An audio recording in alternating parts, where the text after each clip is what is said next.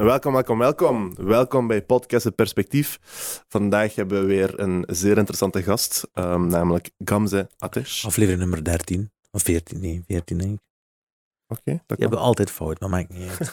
ofwel 13 ofwel 14. Um, Gamze, kunt je misschien jezelf even voorstellen? Wacht, allereerst, Gamze is van Houthalen. Ik wil dat gewoon even zeggen. Ah, echt? Uh, Gatwood City. Gatwood City, represent. We zijn met drie Houthalenaren hier. Gamze, kunt je jezelf even voorstellen? Oh ja, ik ben Gamze Ates. Uh, ja, geboren in Heusden-Zolder. Daar is een ziekenhuis. En getogen in Houthalen. Um, en dan ben ik in Brussel gaan studeren. En voilà, nu zit ik hier om uitleg te geven over wat ik heb gedaan. Wat ik daar heb uitgestoken. wat heb je gedaan, Gamze? wat heb je daar uitgestoken? um, ja, ik ben uh, apotheker gaan studeren. Maar ik wou echt zo'n wetenschappelijke richting doen. Ik dacht, uh, ja, ik wil iets met geneesmiddelen, snap je? Dus hoe gaat een geneesmiddel om met het lichaam? Hoe gaat het lichaam met geneesmiddelen? Ik wou er echt zo meer van weten. Ik wou echt altijd onderzoek doen. Want de meeste mensen, als je apotheker gaat studeren, denken, die gaat in de apotheek staan. Mm Er zijn ook trouwens heel weinig mensen die weten wat een zware studie dat, dat is. Dat is vijf jaar volle bak um, chemie, wetenschappen. Dat is geen fijne job eigenlijk, hè? Apotheker. Dat is een vermoeiende job. Want, want uiteindelijk zit je winkeluren hè, van acht. Ik weet omdat mijn vrouw uh, apotheekassistente was.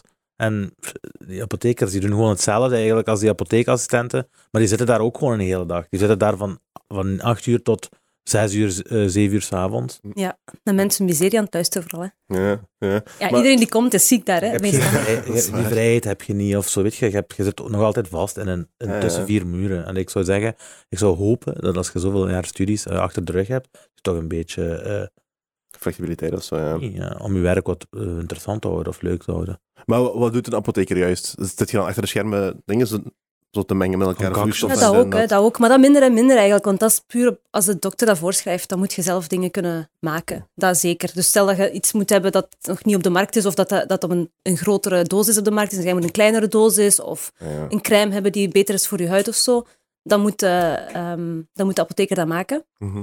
Maar wat heel belangrijk is, is voor, allee, wat mensen misschien niet weten, is dat de apotheker verantwoordelijk is voor wat jij meekrijgt naar huis. Dus uw dokter die mag per ongeluk, ik zeg maar iets, ah, 1 eh, gram uh, morfine voorschrijven. Maar jij als apotheker moet weten, nee, dat, is echt, uh, dat, is, dat, dat, kan niet, dat is dodelijk, 1 gram. Dus je moet zorgen, jij moet checken dat, dat alles wat de dokter voorschrijft ook in orde is. Als je dat meegeeft met de patiënt, de dokter kan zich... Dus je moet dat nog kunnen lezen in de eerste plaats. Doktersgeschrift kunnen lezen. Nee, tegenwoordig is dat heel veel digitaal. Maar dat is heel belangrijk, want jij zit eigenlijk... Je moet heel goed inbeelden dat jij de enige expert bent van het geneesmiddel. De dokter die leert alles over de ziektes natuurlijk. Hè. Mhm. en, en hoe dat je kunt genezen en, en, en diagnose stellen. Maar de apotheker is expert eigenlijk in het geneesmiddel. Maar je bent dus geen apotheker geworden? Ik ben uiteindelijk geen apotheker geworden. Ik ben na mijn studies... Um... Je hebt ehm, heel de tafel boven gemaakt. alles gegooid. Ik denk, dat, ik denk dat de kamer een totaal een centimeter is verschoven. Niet de tafel, de kamer. Sorry daarvoor. Voelde dat? Nee, nee, dat is... Ja, dus... Um, ik ben na mijn, na mijn studies eigenlijk een doctoraat beginnen doen. Dus als, uh, als onderzoeker werken mhm. ehm, in een labo. Uh, op de VUB heb ik gestudeerd trouwens. Ik heb daar ook mijn doctoraat gedaan. Dus ik heb daar vier jaar onderzoek, vier, vijf jaar onderzoek gedaan naar um, toxicologie. Dus naar hoe dat um, bepaalde stoffen eigenlijk een, een, effect kunnen hebben op ons genetisch materiaal. En of dat goed is of niet, chemicaliën en het effect op ons, ons lichaam.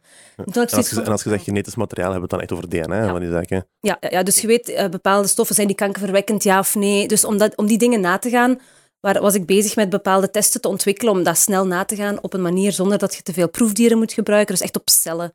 En mhm. kijken welke mechanismes, wat gebeurt er als een, een chemicalië echt inwerkt op je DNA? Welke mechanismes spelen een rol? Welke zijn belangrijk om te zeggen, ja, dat is kankerverwekkend of nee, dit is eigenlijk oké. Ja. Want niet alles dat inwerkt op je DNA is per definitie slecht. Ik bedoel, dat hoeft niet altijd kanker, tot kanker te leiden. Wordt dat gedaan, zo op proefdieren, in het algemeen? Ja, nog altijd. Ik, weet daar niet zoveel van. Ja, dus, wat voor dieren worden dan gedaan? Vooral muizen, hè? Ja, we, vooral muizen, meestal. Maar ik moet ook begrijpen, voor, en zeker voor het onderzoek dat ik nu doe bijvoorbeeld, soms is er gewoon geen alternatief. ik begrijp dat. Voor mij, voor mij mocht je dat zelfs testen op uh, mijn neef hier langs mij. Als er maar niet op iemand is.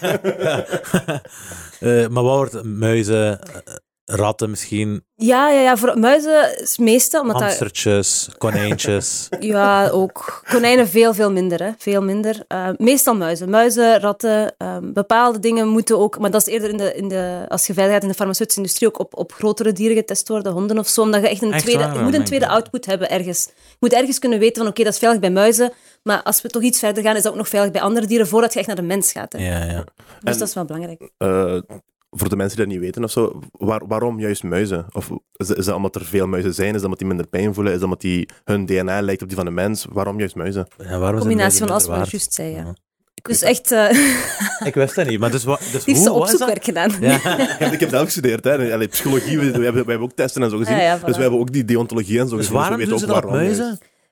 Ja, omdat dat makkelijk... Dus het eerste en vooral, die, die kweken makkelijk natuurlijk. Die leven ook niet te lang. Dus als je bepaalde dingen wilt nagaan... Ja, als je dat op een aap moet doen, een aap die ik weet niet hoe lang leeft, dat, dat kun je long-term studies veel mak- minder makkelijk doen. Hè. Dus als je studies moet doen van oké, iets dat een lang, lange termijn effect heeft in een leven van een dier. Ja. Ja. als je een dier pakt dat langer leeft, dan moet je veel langer onderzoek doen. Dat is veel duurder. Ah, ja. Dus ehm, voor een deel gelijken die ook relatief... Ook, allee, zijn die ook relatief gelijkaardig aan wat dat de mens is. Allee, uiteraard niet 100%, hè, sowieso. Maar komt er toch goed in de buurt versus ook het is niet in te hoge... allee, het is geen mensaap of geen, eh, geen apen of geen hogere ehm, cute animals. dus er is ergens wel een afweging. Maar ook die, ja, het is gewoon makkelijk. Die zijn ook goedkoper in onderhoud dan, dan zelfs ja. Ja. dan konijnen of ratten of, of honden. Dus Mhm. een beetje een combinatie. Dus je hebt vier jaar, vijf jaar eh, dieper onderzoek gedaan en dat is na je, dat is na je master eh, behaald hebben. Ja, Dus je hebt ongeveer een, een, een, een kwa- want je zit, niet, je ziet er niet zo oud uit ook niet, hè? Ja, ik heb mijn leeftijd expres niet gezegd, maar oké, ik zal het zeggen. ik heb dat niet gevraagd. Maar, eh 34. 34. 34. Ja. 34 al, ja, ja, Je hebt, een groot, je hebt eigenlijk een grote portie van je leven heb je, eh, dedicated. aan Nog hè. altijd, ja. Ja. Dat blijft zo. Dat is zo. Want je zit nu nog altijd, uw functie momenteel is post, Postdoctoraal onderzoeker. Postdoctoraal onderzoeker. Dus ik Ja. doe een doctoraat, dus ik mag mezelf dokter noemen, maar Mhm. niet geneeskunde, hè, niet arts of zo, hè, maar Nee, nee, nee, dokter. hè. Dus dokter in de wetenschappen dan, in de farmaceutische Dat is een mooie wetenschappen. Echt waar. Stoer, hè? Geen geneeskunde, hè, maar wel dokter in de wetenschap. Ja, ik, ik loop daar meestal mee te lopen. Als iemand me vraagt hoe heet je, zeg ik eerst dokter. Ik denk je ouders meer dan jij. ik denk je ouders meer dan jij. Sowieso, Sowieso, ja. hoewel, ik moet echt eerlijk toegeven, de meeste mensen die, van mijn ouders, zo, zo kennissen en zo, die vragen, studeert je nog altijd? ik denk dat je nog studeert. Waar werk je op de universiteit? Hoe studeert je nog altijd? hoe is het met die studies? Vragen die altijd, elke week. dat is wel grappig. Dus eh, ja, 34 en nog altijd aan het studeren. Nee, dus ja, dus na mijn doctoraat, dus inderdaad dokter, vier, vijf jaar heb ik gedaan, dan ben ik naar Amerika gegaan, postdoc. Nog verder onderzoek San doen. Diego, Yes, California, yes. City of Angels. Hoe lang, hoe lang heb je daar... Hoe lang, pas op, ja. Ja, dat is noemen. Laten we dat hetzelfde We noemen. gaan dat hetzelfde noemen. Hoe lang is je daar geweest? Drieënhalf jaar. Ik vind het altijd zo inspirerend, net die verhalen. Die wordt Amerika dus echt inspirerend. Nee, nee niet, niet. Ik vind het inspirerend dat je van hier zit vertrokken. eh, maar je hebt een werkaanbieding gehad, neem ik aan dan. Ja, nee, ik heb er zelf naar gezocht. Of je hebt, maar je hebt al sinds een... Ja. een, Ja, ja, zeker. Je hebt een job, dat is niet voor iedereen weggelegd, snap je? Nee, zeker, Eh, om, Een, om een job te vinden in een ander continent. Mensen zijn meestal niet eh, genoeg waard om die stap te ondernemen. Voor firma's daar bijvoorbeeld, snap je? Zeker, waarom, zeker. Zouden zij, waarom zouden zij iemand van houthalen aannemen tenzij die meerwaarde biedt aan hun? En hoeveel mensen kunnen die meerwaarde bieden aan hun? Ja, En wat was dan uw meerwaarde, zou je zeggen? Of waarom Wie denk weet je... dat? Je weet dat nog altijd niet. Je weet dat nog altijd niet. Nee, maar het voordeel, dat is het voordeel van onderzoeker zijn. Hè. Dus eh, alle, iedereen die luistert en die heeft zoiets van ah, onderzoek, ik raad echt iedereen aan die dat kan. Dat is de sleutel om naar het buitenland te kunnen gaan en te kunnen werken even. Omdat je daar, ehm, Goeie tip. Ja, omdat je daar ook gewoon eh, een ander perspectief binnenbrengt. Dat is vanuit perspectief. Voilà, dacht ik, ga dat woord zeker vermelden. Staat in mijn notas? Nee, dat is niet waar.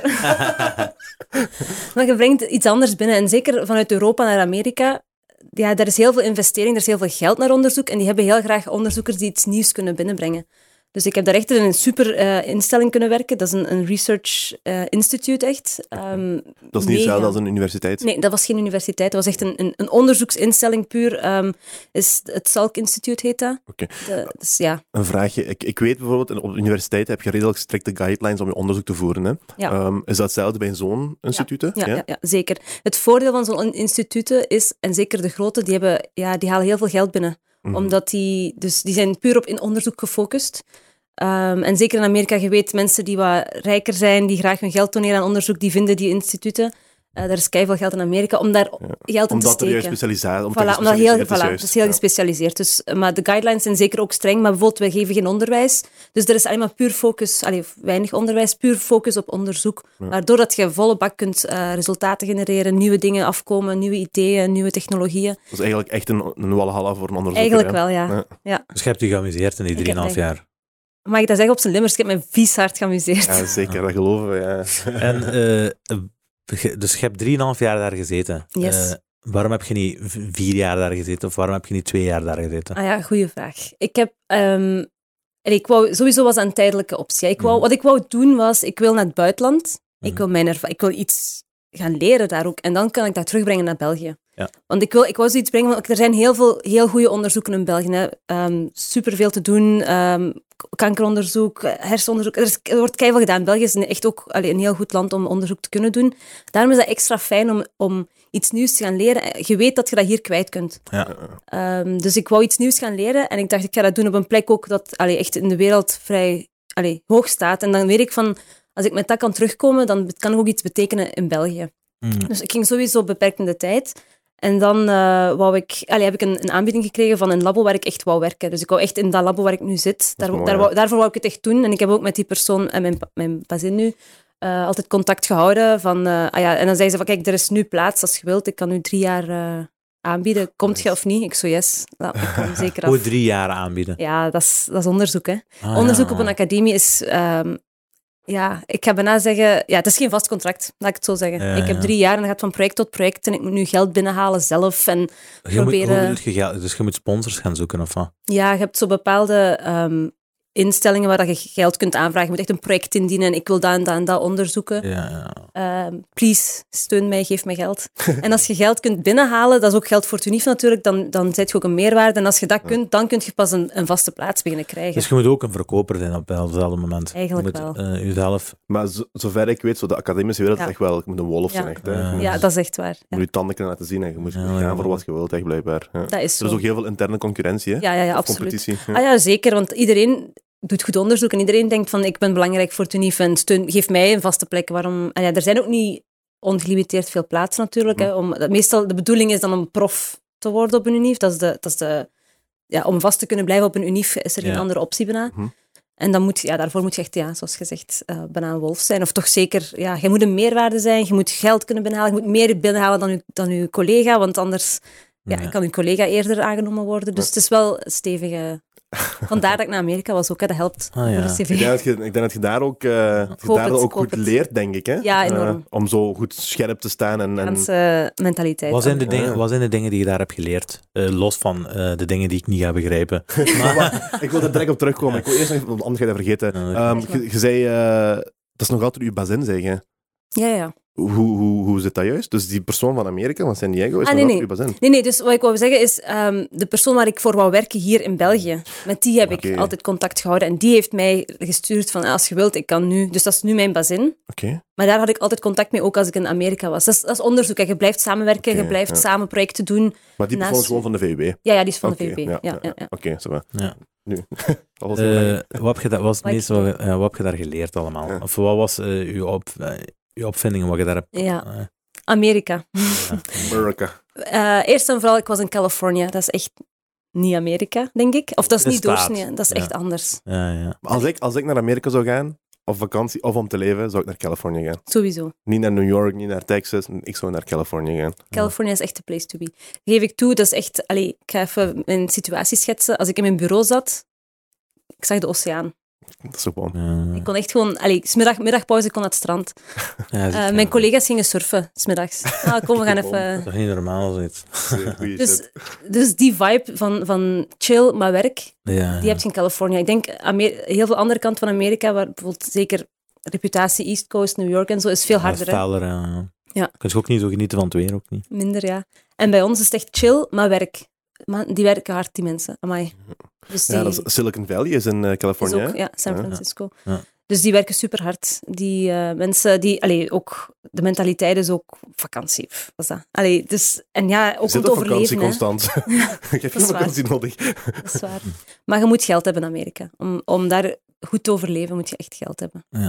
Maar het plafond is daar ook hoger, hè. Het plafond is hoger, maar ehm, allee, als ik maar even uitleg, mijn, mijn eh, huur was 2400 dollar per maand of zo. Hè. Wow. Ja. En ik kon dus niet alleen, allee, ik moest met iemand delen om dat te, te trekken. Dus dat is wel nu, duur. ik moet wel zeggen, Californië is ook een dure plaats. Voilà. Dus als je naar bijvoorbeeld Wyoming gaat of naar eh, ja, ja. Wisconsin, Ja, ja, Ja, dat dan vind je- anders. als je dan gaat kijken naar het eh, gemiddeld eh, maandinkomen ten opzichte van eh, de gemiddelde huurprijs, Mhm. gaat, je, gaat je veel hoger. Allee, de dingen hier is het veel erger dan eigenlijk aan toe. Want wij betalen hier het gemiddelde, ik denk, het eh, inkomen is hier nog geen 2000 euro gemiddeld maandinkomen. Eh, of misschien rond de 2000 euro. En een, huur, en een huur, huur- de gemiddelde huurprijs is denk ik ook rond de 1000 euro of tegen de 1000 euro aan. Terwijl het daar bijvoorbeeld dan 1000 euro is en de maandinkomen is 4000 dollar. Ja. Voor wat Ja, ja dat, is, dat is sowieso. Standaard en anders. Natuurlijk, het enige wat dat... Allee, voor mij een van de grootste dingen was die, die, die ziekteverzekering en zo. hè. Je hebt dat echt health Kijk, insurance. Ja, je wilt je- echt niet naar het ziekenhuis, hè. Je Nee, wilt daar echt dat Dat is niet belanden. absurd, hè? Dat je zo betaalt denken. ik, ik heb, allee, wat ik heb eh, gehoord is dat er betaalt je per maand zo'n 400, 500 dollar gewoon standaard aan. Gewoon dat je dat hebt, ja. Er zijn Wat wij hier die dat- gratis ja. hebben, hè. Wat- Ja. Er zijn mensen die dat gewoon niet hebben, omdat die dat niet kunnen betalen. Dus die gaan ook echt... eh, als die een been breken of zo, die willen zelfs niet naar het Ja. ziekenhuis. Allee, die, je probeert echt te vermijden. Ik had gelukkig health insurance hè, van mijn, van mijn Ja, werk. Hè. Ja. Maar dat is echt... Ja, de, mensen, de, de mensen die, daar, die het niet breed hebben, die moeten echt twee tot drie jobs doen om rond te Hm. kunnen komen. Ja, dat is gek, hè? dat is echt. Dan verdient je wel een uitzicht naar de oceaan. Voilà, dat is het. Als je zo werkt, dan... eh, Ah, dan verdient je dat wel, op zijn minst. Ja, toch? Ja, ja. Maar we hebben het eigenlijk nog niet gehad over in welk onderzoek je zit gespecialiseerd. Ja. Ik weet dat, omdat je... eh we hebben een beetje backstory dan, maar... Dat is oké. Nee, dat is waar. Ik heb dus... Ik zei dat ik dan was begonnen toxicologie en chemicaliën en zo, maar ik, ik, wou, ik wou iets anders. Ik wou, een, ik wou eigenlijk... Wat mij heel hard interesseert is hoe worden we ouder en waarom? En veroudering van de hersenen vooral dan. Hè. Mhm. Ehm, en dus ik ben inderdaad meer en meer gespecialiseerd in Alzheimer-onderzoek. Ehm, ook gewoon ehm, ja, echt de hersenfunctie bij het verouderen. Dus mijn hoofdonderzoek is eigenlijk veroudering en het achteruitgaan van onze hersenfuncties, waarvan Alzheimer natuurlijk een heel belangrijk onderdeel is ook. Hè. Ja. Ik denk Parkinson ook niet. Parkinson's ook, ja. Er is een theorie dat eh, oud worden eigenlijk een ziekte is die we hebben geaccepteerd. Dat eigenlijk oud worden, dat dat, eh, dat, dat, niet, dat dat niet moet. Weet je ik wil zeggen? Ja, dat Dus ken ik niet, hoor. Dus oud worden en doodgaan is, dat is een gekke theorie. Hè? Dat klopt misschien ook. Dat klopt waarschijnlijk ook helemaal niet. Maar heb je er al van gehoord? Ja, ik denk dat je in de science fiction zone aan het komen bent van mensen die inderdaad allee, zoiets hebben van, we hoeven niet oud te worden. Ja, We kunnen eeuwig leven ook zelfs. Hè. Er zijn, allee, als je ja. theoretisch, want dat is, dat is een heel interessante piste, die, waar ik zelf iets minder thuis in ben, maar dat je inderdaad bepaalde... Allee, we worden ouder en ouder omdat we manieren vinden om ons leven te rekken, zal ik maar zeggen. Of, of inderdaad ouder te worden, betere geneeskunde, betere eh, behandeling van ziektes. En, en er, gaat, er is eigenlijk nog geen grens. We- waar, wat is het oudste dat we kunnen worden? Nu is dat 115, over zoveel jaar gaat het 120, 130 zijn, wie weet. En die grens is er nog niet. Die- er zijn heel veel dingen die we nog kunnen doen Mhm. om eh, nog ouder te worden. En wat voor dingen zijn er dan in de laatste jaren gebeurd? Dat je zou zeggen, dat heeft ervoor gezorgd dat we ons leven kunnen rekken? Heel, heel belangrijk op dit moment is dat we kanker veel beter kunnen aanpakken. Hè. Een van de dingen waar we het meest van, eh, allee, ons kort, om ons leven kort, korter maakt, was kanker.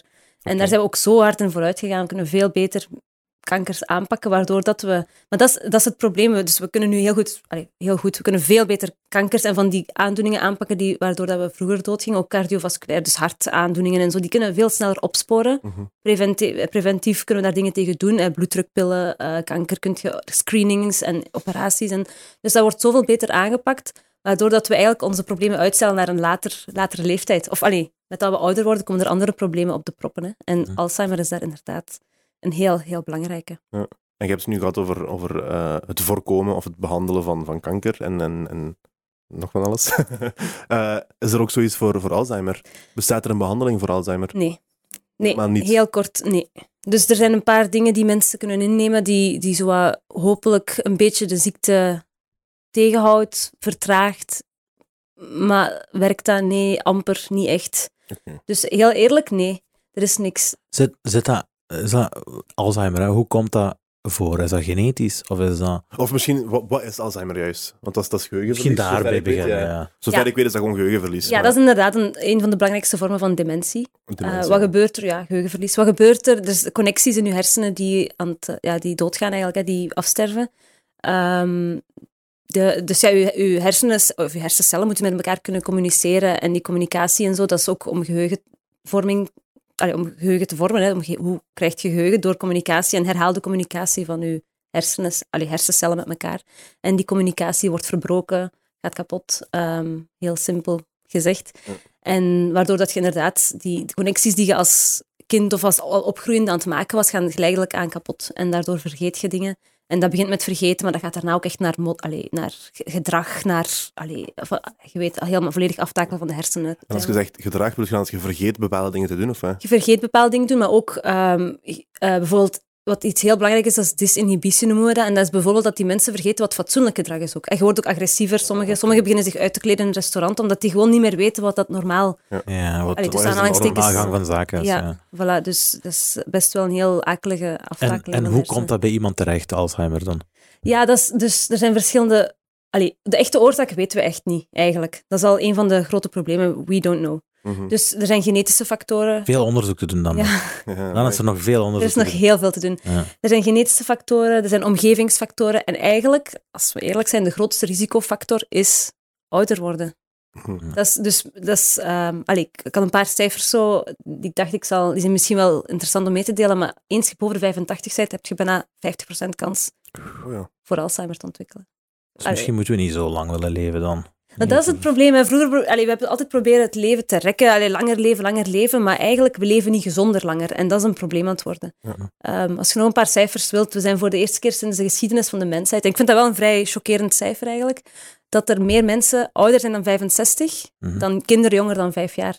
Voor de eerste keer in de wereldgeschiedenis sinds Echt? 2019, 2020. Dat is, die, Oh ja. dat is die vergrijzing dan waar we het over hebben. Die is, eh, wereldwijd, hè, dat is echt wel... Ik vind dat chockerend. Ik zeg, dat is wow. wel gek, ja. Allee, ja. En, en ja, we worden ouder, maar vanaf uw 65ste ongeveer. Dus we hebben zo'n een, een gemiddelde allee, sterfteleeftijd, maar je hebt ook een gemiddelde gezondheidsleeftijd. En dat is eigenlijk rond de 65. Dus rond uw 65ste beginnen de meeste mensen wel iets of wat... Dus je zit net klaar voor hebben. pensioen. En Dan dan, het aftakelen. eh, en dan het begint Ja. Ja, vooral eh, dat je toch iets hebt, zo van oké, ik moet bloeddrukpillen pakken, ik moet suikerpillen Ja, pakken. ja. Altijd iets, dat, Ja. dat, dat, dat is zo. Dus je gezondheidsleeftijd is eerder rond de 65. En daar willen we aan werken. Dat is heel Om belangrijk. die om hoger dat te krijgen. Ja. En op welke manier wordt eraan gewerkt? Dus onderzoek. Onderzoek, maar ook, allee, om heel eerlijk te zijn, ook bijvoorbeeld om Alzheimer te voorkomen. En je vroeg, kun je dat voorkomen en zo? Nee, je kunt dat niet voorkomen, niet 100%, maar je kunt er wel aan werken. Je Hm. kunt, allee, heel belangrijk zijn, eh, allee, ik ga dat, dat klinkt heel logisch, maar sporten, Mhm. ehm, goed eten en eh, je hersenen trainen ook eigenlijk. Dat zijn dingen die je echt kunt doen om, om, om, eh, Ja. om Alzheimer een beetje te voorkomen. Of Het is moeilijk- voorkomen. Het is moeilijk om zo fel vooruit te denken, dat natuurlijk. is het hè. probleem, hè. Ja. Ja. ja. dat is ook. En, en als je zegt hersenen trainen, hoe traint je hersenen? Lees boeken, lees nieuwe, nieuwe informatie, nieuwe informatie opdoen. Da, da- daardoor maak je nieuwe connecties. Ah, En je moet je inbeelden als je bijvoorbeeld één connectie maakt. Stel, jij kent mij nu Mhm. ehm, via deze podcast, that's it. ehm, en je hebt als één connectie. mhm. Dus als je dan, stel, heel, heel cru Alzheimer krijgt en die connectie gaat verbroken, kent je me niet meer. Ja. Maar als je zegt van, hè, connectie, ah, ik ken je zusje, je kent me via, via, via. Je hebt allemaal connecties hè, via de podcast. Ah, ik heb je ook in de in het Belang van Limburg gezien, whatever. Ik weet het niet meer. Je maakt verschillende connecties. En als één connectie verloren gaat, heb je nog andere connecties. Nee. Dus je moet gewoon zoveel mogelijk met je hersenen connecties proberen maken, zodat als je iets vergeet of één connectie verloren gaat, dat er nog andere zijn. Dat is ook een goede training voor mensen met Alzheimer dan. Ehm, voor zover dat dan nog gaat, maar het probleem van nieuwe connecties maken, dat is niet zo evident. Dat gaat, allee, dat, dat kun je doen, maar dat gaat beter als je jong bent. Dat noemen ze plasticiteit. Hè. Dus hoe jonger je bent, hoe beter en makkelijker je die nieuwe connecties kunt maken. Ja, dus we moeten Eh. snel zijn, mannen. We moeten snel zijn. Gewoon, Time sticking. gewoon gezond zijn, gewoon gezond leven. Dat, is echt, dat helpt echt. Hè. Ja, maar dat, dat helpt echt. Dat Schijnt. is echt- Dat zeggen ze, ja, dat helpt. Zijn er, zijn er vroege kenmerken van eh, allee, dat je dat kunt opsporen of dat je... Wel, ehm, De meeste mensen zijn wel vergeetachtig. Is dat bijvoorbeeld een kenmerk van, eh, van dat je Alzheimer kunt krijgen op... Nee, nee dat, dat niet. Uiteraard, iedereen vergeet is waar dat je sleutel zet. Maar dat komt omdat je op dat moment niet hebt nagedacht over waar je je sleutel gaat zetten. Dat is iets anders. Je hebt niet gedacht van, ik ga mijn sleutel nu op de tafel zetten en dan weet ik dat die op de tafel ligt. Mhm. Als je dat zou doen, dan, dan zou je weten waar je sleutel ligt. Dus je sleutel vergeten, dat is niet zo erg. Maar als je je sleutel vergeet en je vindt die terug in de frigo, Mm. dan weet je dat er een probleem kan beginnen komen. Dat zijn echt zo'n dingen die er Er gebeuren. zijn ja, zo'n dingen die er gebeuren. Of inderdaad gewoon niet meer weten wa- waarvoor dient die sleutel nu. Zo, dat, dat genre vergeetachtigheid eerder. Ja, ja, ja. Dan, ehm, maar ja, hoe kun je dat ontdekken? Dat is net het probleem ook. Daarom, een van de dingen is, tegen dat we het weten, is het al vrij laat. En daarom dat heel veel van die behandelingen ook ja, niet echt meer werken. Want we proberen iets te behandelen dat al ver gevorderd is. Mhm. En Ja. daarom preventief, dat lijkt mij het beste. Ik vind het gek dat, dat, dat er zo geen, eh, dat er geen, geen lijnen zijn die je kunt volgen om te zeggen van kijk, eh,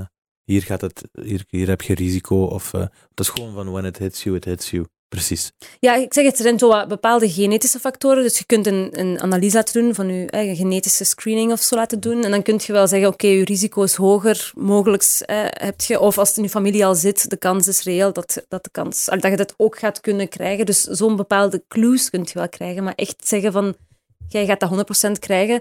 Met de, allee, je hebt twee soorten Alzheimer. Je hebt de, allee, de sporadische noemen wij dat. Dus degene die, waar dat de oudere mensen het meest last van hebben. Dat kunnen we dus niet. Je hebt de early onset, en dat is echt zo puur genetisch, of heel genetisch. Die kun je echt opsporen. En dat is echt ook maar op veel jongere leeftijd al. Ah, er zijn er 30, jongere 40 mensen die al... ja. ah, Dus, als, ik heb nog nooit zo'n voorbeeld dus gezien. dat kan dat iemand van 30 jaar opeens een sleutel ergens 30, vergeet. 40 jaar, dat is early onset. Dus, maar dat is echt puur... ehm, ja, dat is een heel ernstige, veel ernstigere, maar minder voorkomende vorm. Hè. Ja. Maar dat is echt puur gene- bijna, bijna puur genetisch. Dat is echt omdat die, eh, ja, hun, hun familie ook echt bepaalde genen hebben die ja, een beetje Ja, fout lopen. Dus als je weet in je familie dat je een paar oudere mensen hebt die, die Alzheimer hebben, dan mag je een beetje op je hoede zijn. Ja, dan zou ik... Allee, dan kun je inderdaad toch wel opletten, ja. Ja. Allee, opletten. Kijk, Gezonder leven, hè. Ja.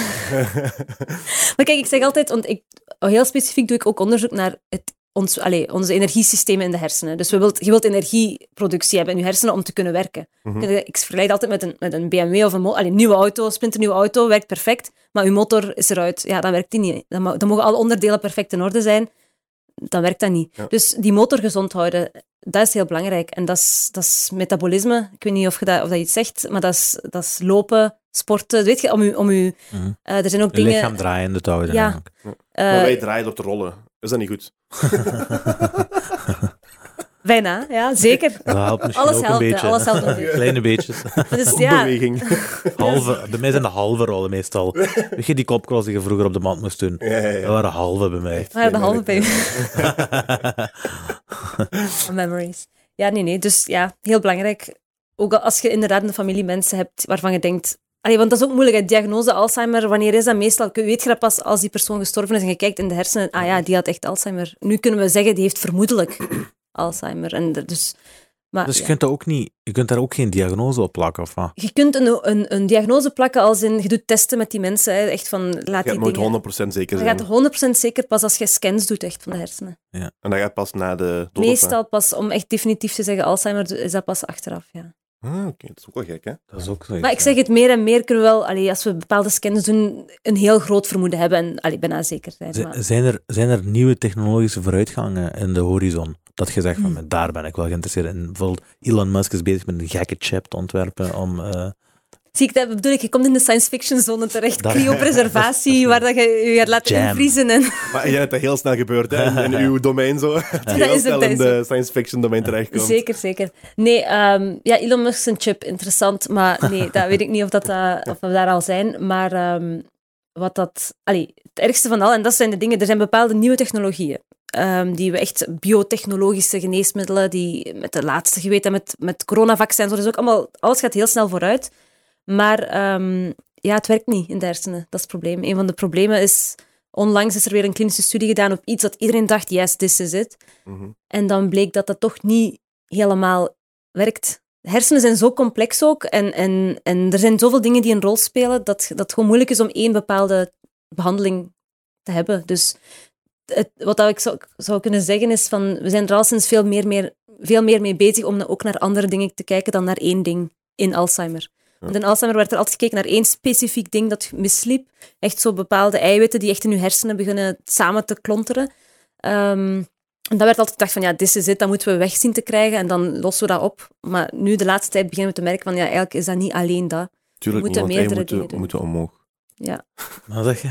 eiwit. Eiwitten moeten omhoog. Ja. Toch? Energie, energie. Je moet echt beter, eh, je moet de energie beter, eh, efficiënter kunnen gebruiken. Dat is- Zeker. Je had het net over eh, het, het vaccin, het coronavaccin. Ja. Ehm, wat weet je daarover? Of misschien beter, wat is uw mening daarover? Want het was ook een hele heis, hè? Ik, ik ga eerlijk zeggen, we praten niet graag over, over corona en over het vaccin en dat, omdat it's over with. Hè? Eh, We ja. hoeven dat niet opnieuw op te wakkeren. Ja, dat hopen we toch wel. Dat hopen, ja, dat hopen we. Voorlopig it's over with. Zodra de situatie in Rusland is gekalmeerd, zal dat wel terugkomen. Ehm, maar wat was uw... Was uw oef, ik zie u al zo... Nee, nee, nee, mag, overal... mag ik dat niet vragen? hè? Je mocht dat zeggen. Is it getting heated? ik had echt, dit was echt zo waar ik me voor wou behoeden. Ik, eh, heel veel allee, wetenschappers spreken niet graag over andere domeinen, omdat die echt zoiets hebben van, ik, ik weet daar echt niet genoeg van. Ja. Ehm, maar als je je mijn hebt- persoonlijke mening vraagt, maar- ik heb mijn vaccin wat, drie keer gehad, ja. Maar jij doet, jij doet onderzoek naar, naar genetica, zeg je? Naar, ja, naar- nu niet meer, hè. maar ik, ik ben begonnen Ah, zo. Maar, was je begonnen. maar, ik, waar, maar ik kan, allee, nogmaals, ik weet ongeveer waar het over gaat natuurlijk. En ik heb, ik heb altijd wel zoiets van, ik weet wat onderzoek doen is, ik weet wat het ontwikkelen van een vaccin betekent, ik weet wat, ah, wat dat, hoe lang dat, dat kan duren en wat dat er allemaal moet gebeuren. Mhm. Ehm, en daarom dat ik er wel vertrouwen in heb, want die mensen die dat doen, die they know their shit, hè, mannen. Allee, Ja, maar dat gebeurt ook niet altijd even keurig, hè? Onderzoeken, er, er, zit veel, er wordt veel gespeeld met data en, en, en weet ik veel. ehm, Zeker op Ja. zo'n groot schaal, eh, met inderdaad. geld, met zoveel geld Voilà, dat eh, in de mix komt. Maar, eh, maar dat, is het, dat is het ding. Oké, als je onderzoek doet, er, wordt- er zijn allee, cases genoeg. Je moet maar even googlen. Oh, eh, fraude, datafraude, weet ik veel. Nu gaan we echt op een op glad terrein. Maar, ja, ik weet het. maar ehm, Je zit een paar van die collega's onder de dingen aan het gooien nee, nu. nee, nee, och, Garda, nee. Alle respect voor al mijn collega's. Nee, maar het is, het is belangrijk om te weten dat, oké, ergens zegt je grote schaal en geld en ik weet niet wat, maar je moet ook inbeelden dat een coronavaccin, dat is echt op, op allee, hoeveel miljoenen mensen hebben dat gehad, als, als je daar iets mis mee doet, allee, dat, ja, dat kun je niet veroorloven, snap je? Mhm. Dus, eh, en government conspiracies en zo. Allee, dat, ik vind echt, ik hoor de gekste verhalen. Dat is echt, dat is echt ja, dat is nog iets anders. Maar, maar ja. ook qua veiligheid. hè. Je gaat niet zomaar met een mensenleven spelen. Trouwens, er zijn veel ergere dingen. Gelijk als je buiten de lucht inademt van auto-dingen en zo. Dus die zijn veel giftiger of toxischer voor u dan dat je een coronavaccin moet pakken. Mhm. Echt, vaccins zijn echt eigenlijk een van de veiligste dingen. En ik zeg ook, allee, ik weet dat dat zo... Allee, va- theoretisch, vaccins moet je inbeelden. Dat is ook de slechtste investering van de farmaceutische industrie. Hè. Je moet dat één keer krijgen, twee keer. Maar ja. En dan is het gedaan. Terwijl als je iets Dat ontwikkelt, gewoon... Voilà. Ibuprofen blijft verkopen, hè. Ja, ja, ja. Als je dat aan de hele wereldbevolking moet geven, dan zit je toch wel goed voor even. Dat is ook waar. Dat, dat, dat weet ik niet. Dank Als je er vanaf. letterlijk, als je letterlijk met een drie, drietal bedrijven bent, letterlijk toch? Letterlijk, ja. Drie, drie bedrijven die zorgen voor dat vaccin. Dan maakt dat volgens mij niet veel uit dat dat maar een one-time thing is. Wat trouwens ook eens three-time thing is geworden. En, en mogelijk waarschijnlijk... een four, five, six, eh, six-time eh, thing gaat worden. Dus Ze Ja. zeggen nu 80-plussers en zo. En in Duitsland willen ze eh, tegen eh, de Omicron-variant gewoon enkel dat een, een, een boosterprik dan hebben. nu voor alle zekerheid, ik ben nu gewoon een beetje aan het debunken, maar ik ben Ja, zelf ook gevaccineerd. maar- hè. maar- Ja, ik ben zelf ook gevaccineerd. Ja, het is gewoon devil's advocate. hè. Ja, voilà. En het is, ik, ik weet het ook eerlijk gezegd zelf ook niet. Want je zegt wel hè, van die conspiracy theories en zo, en ik ben helemaal geen conspiracy theorist, echt niet. Ehm een, een heel kleine mate ben ik dat wel, durf ik Iedereen is zeggen. dat wel een beetje. Ja, voilà, ik ben een heel kleine mate wel. Ik denk dat Bill Gates ons aan het tracken is. Ah, wel, dat geloof ik dus allemaal niet. Voilà, dat is wat ik nee, bedoel. iedereen Dat heeft een gsm, die heeft u echt niet nodig. Die heeft echt niks in te injecteren om u, om u te volgen. Hè. Die weet al alles van u. Dus. Exact. dat, eh, Mark is al bezig daarbij. Ja, Ja, die- voilà. we zijn allemaal samen in een eh, huisje In een ergens. kelder, hè. En Eh, daarom dat dat een, een goed idee is dat... even off topic, maar daarom dat het een goed idee is dat Elon Musk eh, Twitter wilt eh, kopen eigenlijk. Ja, wat is dat? Dus we zijn helemaal geswitcht van Maar- topic. Dat mag, hè, maar Dus, het dus is Elon, hè. Elon Ik Musk ben helemaal niet mee. Ik heb gewoon Dus- een artikel dus gelezen. Dus Elon Musk heeft eh, een bom geld gedropt voor, eh, om majority share- shareholder te worden in Twitter. Oké. Waarom? Dus niet die- volledig overnemen, gewoon... eh, Meerderheid. Op het begin. Dus dit is de eerste stage. Ja. Hè, die, eh, die pompt serieus veel geld en die met, met 9,2 of 9,3 procent wordt die majority shareholder in Twitter. Mijn neef stappenplan daar. ja. Wat er daarna gebeurt eh, en waarom wil hij Twitter beïnvloeden of, of iets daarmee te maken hebben? Omdat die gelooft dat er een aanval is op de vrije meningsuiting. Hè, of op de, dat is ook zo. Eh, maar ik zeg, Trump is bijvoorbeeld geband op Twitter. Eh, Kanye die wordt 24 uur ge- geband op Instagram. Wie maakt die keuzes? Mhm. Wie is de rechter daar? Weet je wat ik wil zeggen? Dus je kunt daar ver in gaan of niet ver in gaan. En Elon Musk, eh een van de rijkste mensen op de, op de aarde, die dacht, eh, dit, dit is gevaarlijk. Mhm. En heeft hij een bod gedaan om Twitter volledig te kopen, omdat hij heeft gemerkt dat dat niet gaat op deze manier. Want die andere shareholders, die lieten hem niet doen wat hij wou doen eigenlijk. Heeft hij gezegd, ik bied 43 miljoen, miljard dollar in cash. 43 miljard. 43 miljard in cash om Twitter te kopen. Over, ja. Om Twitter te kopen. Nu, daar, blij- daar zijn zo van die eh, tactieken natuurlijk in business om dat tegen te gaan, want die andere shareholders die wouden dat niet. En dat is dus nu ook niet gebeurd. Ik weet nu niet hoe dat gaat zijn, we zijn er in het midden van. Maar Ja, ja. Maar 43 miljard. Cash, hè. Haalt cash, hij dat? Hoe, hoe kan dat? die mannen die hebben dat. Zo, liquide, dat, dat snap ik niet. Hè. Hè, ja. Dat is zo liquide Maar ze zeggen, dat, ze zeggen dat, dat Apple ook een serieuze bom cash heeft. Oké, maar Apple bestaat al hoe lang? Ja. En die zijn al succesvol hoe lang? Ja, dat Elon Musk is nog maar de laatste jaren... niet waar Elon Musk is uitgekropen eigenlijk. Snap je? Echt zo, Het is echt een alien. Dat is een wetenschapper, hè. ja, ineens hè. Ja, ja, Ja, dus- ja, nee, nee. Maar ja, visionair ergens, hè, is die man. ik heb altijd, allee, over al die mensen zo'n Inderdaad. verdeelde mening natuurlijk. Hè. Niet dat dat belangrijk is, mijn mening, maar altijd voorzichtig wat dat die Hier allemaal bij zeggen en doen. podcastperspectief is dat wel belangrijk. En als het niet belangrijk is, is het interessant. En voilà. Ander onderwerp. Ik ga, nee, nee, nee, het is gewoon, dat is creepy, maar dat zijn dingen die boven ons gebeuren. En ik, ik- daarmee, omdat ik, dat is typisch ik ook, ik, of wetenschappers, als die iets niet weten, dan gaan die ook geen- niet, wil die daar geen uitspraak over doen. gewoon is dat iets goed nemen, dat, ja, is het goed dat Elon Musk dat doet? Ik weet dat niet. Dan weet je iets goed is. Twitter. Ja. We weten niet wat er daarna gaat Maar ik wou juist zeggen, dat is de ene die het dan als dictator gaat overnemen bijna op Twitter. Dus allee, ja, ik dat is weet ook dat niet. nooit goed, hè, om een Voilà. dictator te hebben. Voilà. Ja. Maar dat is nu ook het geval. Dat is nu ook al het geval. Dus dan zou ik liever de andere kant ook eens wel zien. dus kijk wat dat gaat geven. You never know. Ja. Ja, kijk. Ja, ik weet niet, zo sociale media en, en Twitter en zo. pff, Ik zit daar ook niet op. Allee, niet te veel, omdat je echt moet eh, oppassen wat je zegt tegenwoordig. Hè.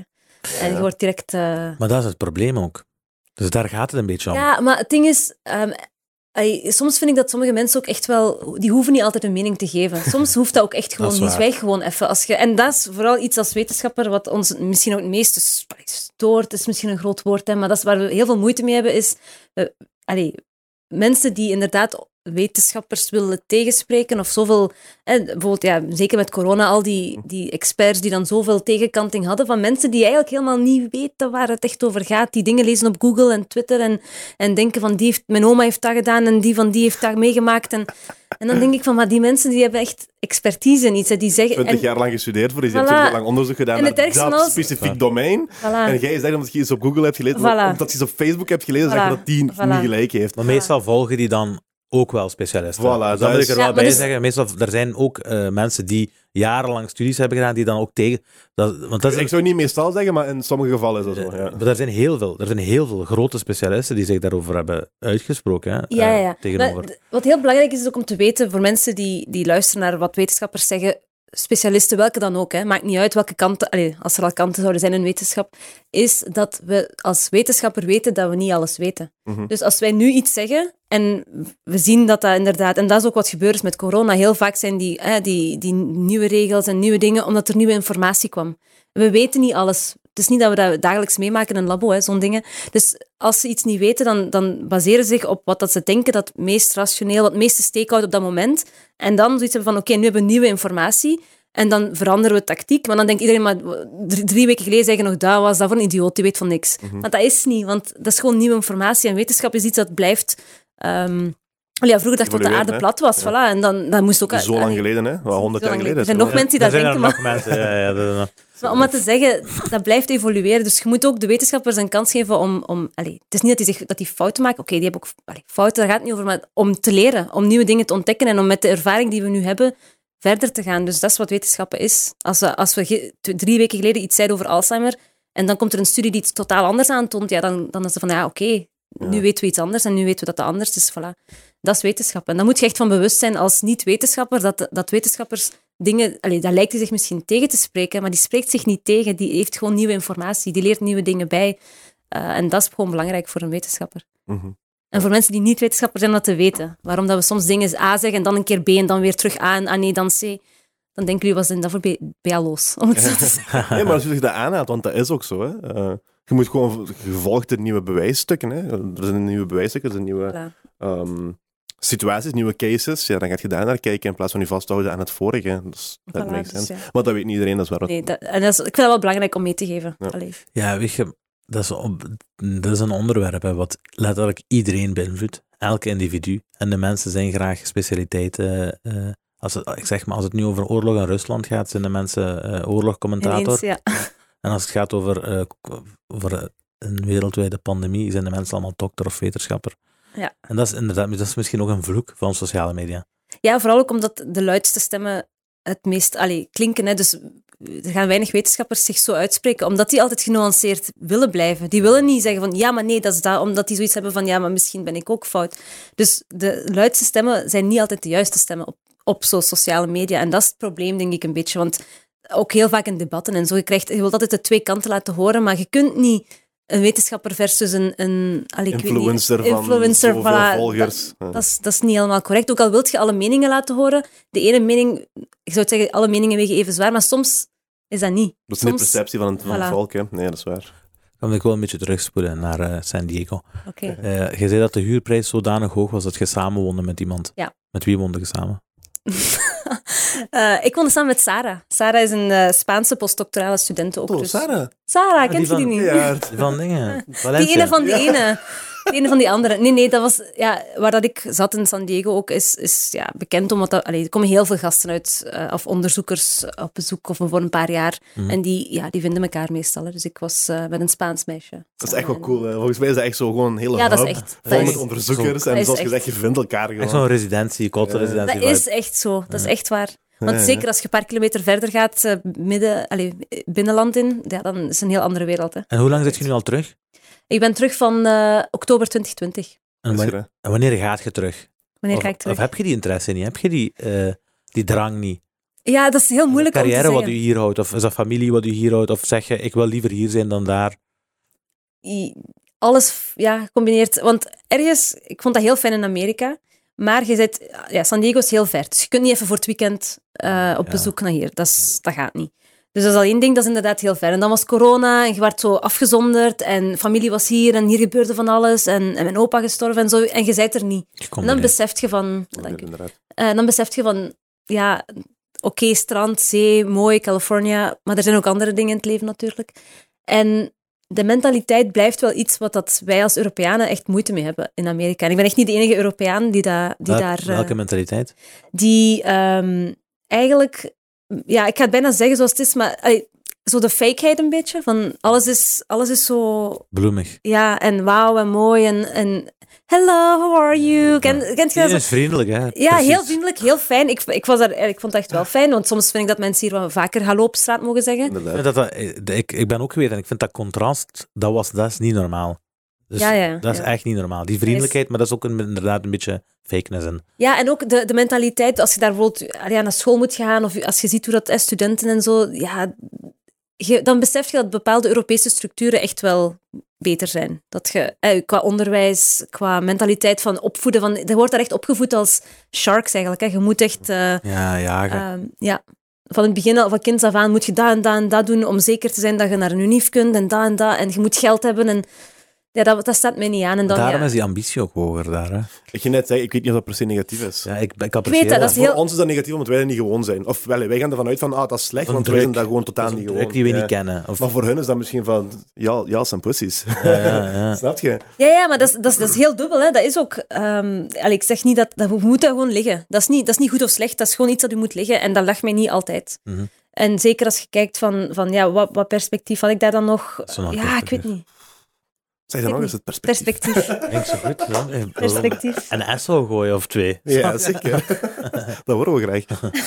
Ja, het was, het was niet evident, moet ik zeggen, om daar echt te, ook te, over, allee, te overleven bijna. Want Dus dat was gewoon niet uw cup of tea dan. Niet helemaal. Maar ik moet heel eerlijk toegeven, dan ben ik teruggekomen en nu mis ik dat keihard daar. Dus dat is echt dubbel. Je blijft zo verscheurd een beetje hè, tussen de twee dingen. Er zijn altijd dingen die, je, die daar wel heel fijn zijn, Ja, ja. die je hier niet hebt. Wat, En- wat is dat dan bijvoorbeeld? Ja, zoals inderdaad over straat lopen of mensen die je aanspreken, hey, how are you? En, Mhm. en die vriendelijkheid, dan, dan mis je dat ineens. Uiteraard mis ik de oceaan.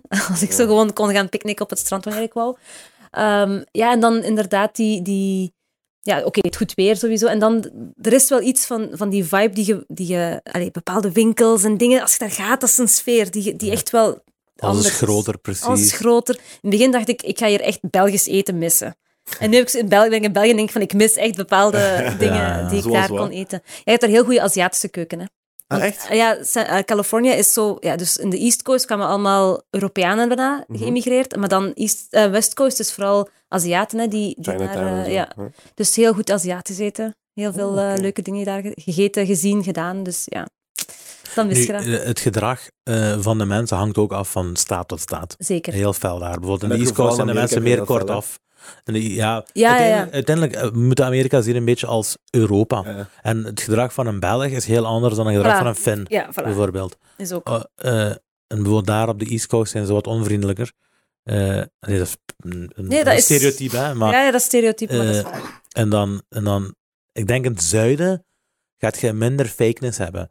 Bijvoorbeeld California is meer fakeness, is Ja. bekend om, om de Ja, ja, ja. fakeness. En dan als je dan bijvoorbeeld naar Texas gaat of naar eh, Of neergeknald. het zuiden. Ja. eh, Dat was nog een ander ding, hè? Die veil, dat veiligheidsgevoel. En dat ga ik ook heel eerlijk toegeven. Dat in het begin denk je, Sava, ik kan hier alles aan. Maar je begint dat wel te merken. En dan, eh, ja, ik, zat dan, ik kwam dan juist toe als Trump ook Ah, ja. was. Zo. Dat was dus echt begin 2017. Dus En in California en Blue State. Ja, maar je, je, vindt dat wel, je begon dat wel te voelen, dat alles werd zo gevoeliger. Eh, je mocht zo, de, de vrij, allee, iedereen was zo meer be- bewust van wat hij aan het zeggen was of niet. Dus je voelde dat er wat meer. Dus, ja. Ja, je Shift. voelde je minder vrij. Je- dat, werd echt zo erg, dat werd zo'n beetje erger en erger met de jaren. En dan had ik zoiets van, ja, dan toch liever Europa, waar dat je toch nog allee, iedereen sava met elkaar om kan. We hebben het ik. zeker goed We hebben hier, het echt hè. wel niet we hebben slecht. Het, we hebben het heel goed hier. hè. Het gras is altijd groener aan de Voilà, overkant. het is dat. Maar Het is dat. Eh, wat was zo een beetje het gekste wat je hebt meegemaakt daar? Het gekste. Goh, dat weet ik niet. Wat, wat, wat bedoelt je gek? Zeg eens. Wat Vrij voor je- interpretatie. Shit. mhm. Wat, wat Ik u ben- het meest is bijgebleven, laat me Ik wou zeggen, ik doe, ik, doe niet, ik doe niet aan gekke dingen. Ik ben heel serieus eigenlijk. Nee, Merk het, ja. nee maar ik, wat, ik wel, wat, wat me wel inderdaad misschien allee, is bijgebleven, is dat aanvankelijk, ik weet niet, Europeanen, allee, wij, wij, wij gaan op zoek naar cultuur en historie. En als je naar een stad gaat, je wilt zo de eh, musea zien, of je wilt oude gebouwen zien. Je gaat naar Rome, je ziet Colosseum, je gaat naar Turkije, je ziet je, je wilt echt zo de geschiedenis van de mensen zien. En je komt in Amerika en daar zijn geen oude gebouwen. Alles is vrij modern en vrij nieuw. En dan besef je, als je dan een tour doet, want ik heb al wel zo'n tour gedaan, dat eigenlijk hun geschiedenis is hun natuur. ja, de Grand Canyon bijvoorbeeld. Wat een natuur of, hebben die. ja. Ja. Dat is Ja. echt niet normaal. Ja. Allee, je hebt dan de woestijn, dan heb je Grand Canyon, dan heb je Yosemite, dan heb je... Pff, dat is echt gestoord van natuur dat die hebben. Ja, dat hebben we hier minder. Dat hebben we hier... Ja, min, Ah, allee, in België toch. eh, ja, we hebben mooie natuur, hè, de Ardennen en zo. Maar, we hebben de eh, heide, we hebben ja. mooie dingen. Maar ja, dat is echt gestoord. Allee, next level natuur. Allee, dat is, ja. En wat was zo de, de eerste, ehm, hoe moet ik dat zeggen, zo, de eerste shock die je hebt ervaren van die cultuurverschil, zo die eerste cultuurverschil die je hebt ervaren? Ehm, ik denk dat, goh, als ik goed nadenk, ik denk dat dat was met, met eh, openbaar vervoer of zo. Dus ik kwam daartoe en ik dacht, ik ben hier voor even, ik ga geen auto kopen of niks. Hè. Wat, ga ik, auto kopen? Wat ga ik doen? Ehm, dus ik dacht, ik ga openbaar vervoer of met de fiets of... Ja, not happening, hè. Dat is Nee, iedereen... alles te ver uiteen misschien. alles te ver uiteen. Openbaar vervoer, één keer per uur heb je misschien een bus ergens zo... Oh, Dus je, je moet al bijna een auto pakken. Dat was voor mij een van de eerste dingen van... Ik heb echt maanden volgehouden zonder auto. Ik dacht, ja, dat gaat echt niet meer. Ja. Dat gaat niet. Dat gaat Hoe heb je dat dan gedaan? Heb je dan een auto gekocht, echt daar? Ik heb dan daar een auto gekocht, En ja. wat heb je ermee gedaan na drie jaar? Heb je die aan Verkocht. Sarah gegeven? nee, ik heb die terugverkocht. En hoe is dat proces gegaan? Hoe heb je die, heb je die op tweedehands Cash gezet? gekocht. Nee. cash gekocht, cash verkocht. Maar, maar hoe heb Zoveel billion. hoe ja, ik vraag me af hoe iemand van Houthalen naar San Diego gaat, een auto koopt en dan die dan verkoopt. Hoe is het praktische zelfs daarin? Hoe doe je dat? Ja, daar een dealer, autodealer gewoon. Nee, ge- gewoon eh, zoekertjes en zo. En, en ik ken mensen die... En nogmaals, omdat er zoveel... Dus Amerika is... Een, allee, dat is ook typisch... internationaal, hè? Ja, en, en mensen die, die komen ook van... Allee, zelfs Amerikanen zelf. Hebt, er zijn er weinig van San Diego die ook San, Die- San, Nee, van San. Diego zijn. Dus je hebt heel veel verkeer, laat ik het maar zo zeggen. En heel veel mensen die een auto verkopen, want ik ga nu verhuizen naar daar of ik Ah, verhuis ja, naar zo, daar. ja, ja. Dus dat is heel, heel, heel normaal. Ja. Er zijn, Een hebt- grote tweedehandsmarkt, hè? ja, ja, ja, heel groot En natuurlijk. veel mensen. Veel mensen. Dat is echt veel verloop ook gewoon, vooral. Ja. Thuis, denk ik. Ja, ja. En welke auto heb je gekocht, als ik mag vragen? Ik weet niks van auto's. Een Audi, iets, ik weet niet, slechtste idee ooit, hè. Echt? Een Audi kopen in Amerika, Europese auto in Amerika Ja. kopen, dat is echt duur om te onderhouden. Ik wil echt het een F-woord ja. zeggen, omdat dat echt is, maar dat een luxe is daar. dat is echt duur om te onderhouden. Ik, moest echt, ik had mijn auto gekocht, twee maanden later was er iets mis mee. Ik had 2000 dollar moeten betalen om het te Oh, herstellen. En zo denk ik echt vies spijt dat ik... eh ik ik- daar beter een Amerikaanse auto, maar ik had een of andere Audi, weet ik veel wat. Ah. Chevrolet of zo misschien. Yeah, right. nee, ik stel, ik stel die vraag omdat we zeggen dat altijd... eh, in Amerika heb je gewoon je hebt veel zwaardere auto's altijd. Ja, En dat is ook iets heel anders dan hier, hè? Je hebt daar... Wat was de grootte van uw motor? Weet je nee, wat weet ik van 3.0 motoren? of zo. Buh. Ik het echt Dat- die reed van hier naar daar. Voilà, klaar. En wat, wat die was ook automatisch. Voor bijna alle auto's zijn dat, ja. automatisch. En Hier kunnen die, als Amerikanen naar Europa kunnen komen, die kunnen niet rijden. Ze zijn vast. betekent Nee. dat we, dat we een beetje achter staan eigenlijk. Waarom dat? Want eh, ik zou zeggen dat eh, een automatisch rijdende auto is eh, een beetje Ja, dat is veil, makkelijker, eh, more veiliger, advanced- denk ik. Hè? Ja, dat is more een beetje... advanced dan een Maar ik vind schakelen fijner. Ja, nu, maar jij hebt een uitzondering. Schakelen fijn- een maar Ja, dat is waar. mensen zeggen niet, oh, nu kan ik schakelen naar tweede, nu kan ik waar. schakelen naar derde. Mensen willen gewoon rijden, snap je? Zo maar gemakkelijk mogelijk. Ja, nee, dat is waar, dat is waar, dat is waar. Maar zou ik dat een evolutie noemen, of zou ik dat meer geëvolueerd noemen, dat weet ik niet. Want, is hier, vooral- want hier heb je ja. dat ook, hè. Je kunt- Ja, ja, ik denk dat je bij bijna elk model, bijna elk model, met nadruk op bijna, kun je een Maar hier is, automatiek... dat gewoon, hier is dat gewoon nog als een optie en daar is die optie weggehaald. Ja, Ja, hebt er nog, hè, maar het is, ja, ja, het is uit, een uitzondering. meer, voilà, meer uitzondering dan regel eigenlijk geworden. Maar Ja, ja. ik moet zeggen, allee, dat is, autorijden daar is ook iets dat iedereen moet kunnen bijna. Dat is echt voor dummies ook. Het verkeer, echt, de, de verkeersregels zijn ook... Allee, soms denk ik van... Eerst dacht ik van, wat is dat? Maar je kunt daar door het rood rijden als je naar rechts wilt, hè? Inderdaad, ja. Oeh. ja. Ah ja. Want je stoort toch niemand als je naar rechts gaat. Je moet wel zorgen dat er geen auto's Geen komen. hè. fietsers of zo ook niet. Je moet gewoon kijken. Je wat- stoort niemand, maar je moet wel letten dat er Ja, geen andere auto's maar ja, komen. als, hè. normaal gezien als het rood is, wij stoppen hier sowieso. Of naar rechts of naar links wilt, maakt niet uit. Maar als je naar rechts gaat, zit je niemand zijn rijverkeer eigenlijk. Ja, ja, Dus ja, ja. En, door het en, rood. en nog iets, eh, de rondpunten vind je niet. Nee, heel weinig. Amper. Kruispunt allemaal, hè? En Kruispunten. wat is de regel als je aankomt bij een kruispunt? Dan Wie het je eerst, wie het eerst eh, toekomt, mag, mag heeft voorrang. Hè. Dat is Maar echt, dat, is- dat is een gekke regel, hè? dat is een goede een- regel. Dat is Hè. een regel voor mij. Maar vind je dat een goede regel? Ik vind dat eigenlijk echt een Maar goede regel. Hier, regel, voorrang van rechts, wie is nog mee? Allee, Maar soms... aan de andere kant, hoe kun je dat bewijzen? Ja, maar dat is, dat is, dat is ook... Allee, ik weet niet hoe dat in- in andere staten was, maar dat is ook typisch Californië dan, dat iedereen gewoon heel vriendelijk is van ja, kom maar, ja, ga maar, doe maar. Ja, ja, ja. ja. Wie het Maar ik heb eerste altijd- toekomt. Ik heb altijd een idee, want dat is goed. dat- Daarnet zei je ook van, eh, soms mis je dat wel zo, die warmte en zo, hè, van Amerika. Ik zweer, ik ga gewoon naar Nederland. Ja? Ga gewoon naar Nederland. waar. Ga ja. naar Amsterdam, ga naar Rotterdam, ga naar Eindhoven. Ja, de mensen zijn daar ik wel. zweer, en je hebt die warmte terug. Nu, ik moet wel zeggen, dat is nog een... Ja, dat zal, niet zo, dat zal niet zo fel zijn. Daar was het echt fel. Dat Ja, was echt zo... Ja. Maar ik denk dat, dat dat het onderscheid maakt tussen het fake en het authentieke. Ik, denk, ik heb het gevoel dat Ah, het ja. in Nederland dan meer authentiek is, Dat de vriendelijkheid, zijn, ja, ja. dan- dan in Amerika. Ja, Maar ik, geloof ik. ik ga nog eens zeggen, hè, die fakeheid, oké, in het begin stoort er als Europeaan zeker, want je denkt, laat me gerust.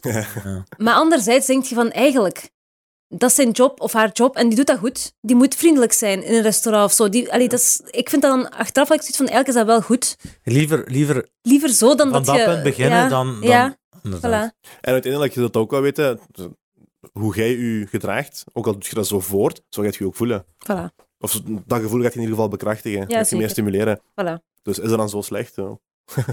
Mensen mogen hier wel wat vriendelijker zijn. Voilà, eh, vind ik ook. Ja, gewoon goeiedag zeggen als je op straat loopt en niet zo proberen wegkijken. Ik doe dat graag, hè, goeiedag zeggen tegen mensen. En Ja, ik dan ook. iedereen verschrikt, Maar verschrikt ik denk ook zo. dat er een verschil is. Pak een bocht rond je of Ja, zo. Ja. voilà. Er is ook een verschil. eh, het gevoel wat ik. Wat ik, ik heb, nooit, ik heb niet, niet vaak in mijn leven racisme meegemaakt. Hè. Ik kan, eh, maar het verschil wat ik daar merkte. Als, wat ik, ik voel mij hier al heel mijn leven allochtoon, ik word dat ook genoemd. En daar is dat gevoel Niet. compleet Ja. weggevallen. Ja, en Dat is waar, dat ik- geef ik u mee. omdat de mensen daar zijn allochtonen.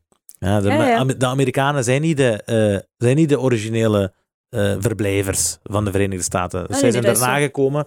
En ik denk, en dat is zo'n melting pot, dat dat gevoel gewoon is, eh, dat is weggevallen. Maar ik denk dat dat ook als gevolg heeft gehad dat de gemiddelde persoon daar, of die nu bruin is, zwart is, geel is, dat dat een trots Amerikaan is.